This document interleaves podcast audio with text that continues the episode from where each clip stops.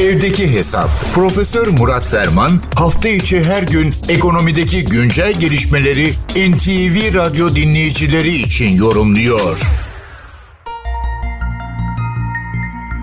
Genel geçer bir ifadeyle koskoca bir yılı tamamlamak üzereyiz.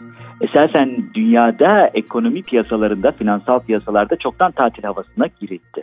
Tabii adettendir bir seneyi tamamlayıp yenisine girerken önümüzdeki yıla ait tedbirler, önümüzdeki yıla ait öngörüler, önümüzdeki yıla ait tahminler paylaşılır.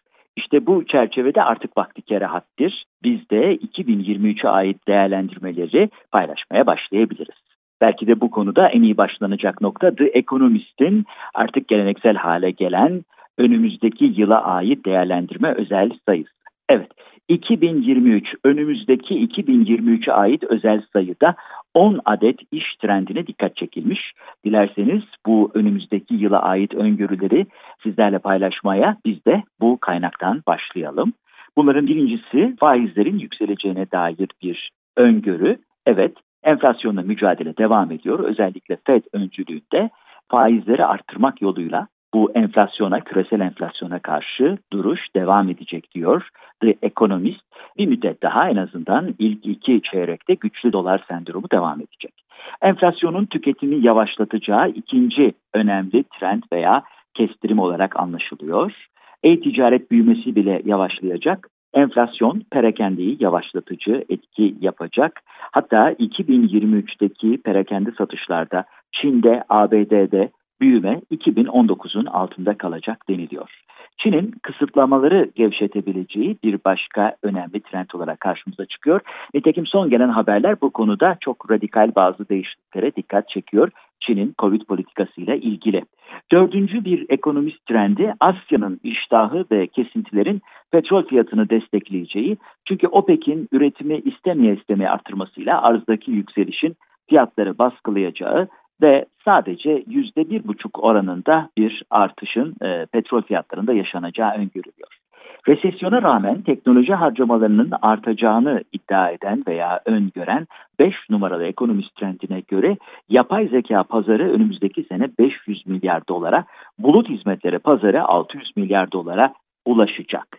Streaming şirketlerinin içerik geliştirme konusunda para aktarmaya devam ettikleri reklamcılık harcamalarını önümüzdeki yıl %5 arttıracakları ve 780-800 milyar dolarlık bir pazarın ortaya çıkacağı iddia ediliyor veya öngörülüyor. 7 numaralı trend otomotivde elektrifikasyonun süreceği ve özellikle Çin'in bu konuda tekrar desteğini devam ettireceği elektrikli araç satışlarında benzinli araçlardaki %1'lik artış öngörüsüne karşın %25'lik bir artış yaşanacağına işaret ediliyor. 8 numarada savunma bütçelerinin artması haberi var. Savaş bütçeleri artacak. En önemlisi de Japonya ve Almanya savunma bütçelerini 5 yıl içinde gayri saati yurt içi hasılarının %2'sine yükseltmek için savunma bütçelerini arttırmaya önümüzdeki yıldan itibaren ağırlık verecekler. Amerika Birleşik Devletleri'nin savunma harcamaları da Çin'in tam 3 katı olacak. Nihayet son iki trendi de paylaşalım. Emtia fiyatlarının düşeceğinden bahsediliyor. Metal fiyatlarında ortalama %7 bir düşüş olacak. Dolayısıyla bu da bir parça daha ekonomideki büyüme özürlü öngörülen ekonomik konjonktürdeki baskıları azaltacak. Nihayet son olarak pandemi sonrası deyim yerinde ise intikam turizmi yaşanacak. Pandemi öncesinde 1.8 milyara ulaşan turist sayısı aynı sayıya ulaşamasa da 1.6 milyar olması öngörülüyor. 2.7 trilyon dolarlık otel ve restoran harcamaları gene 2019'un altında ama 2022'ye göre turist sayısında beklenen artışın %30 olarak turizm gelirlerinin 1.4 trilyon dolara ulaşması bekleniyor. Evet, The Economist araştırma biriminin 2023'e ait 10 iş trendi bundan ibaret. 2023'ü konuşmaya devam edeceğiz.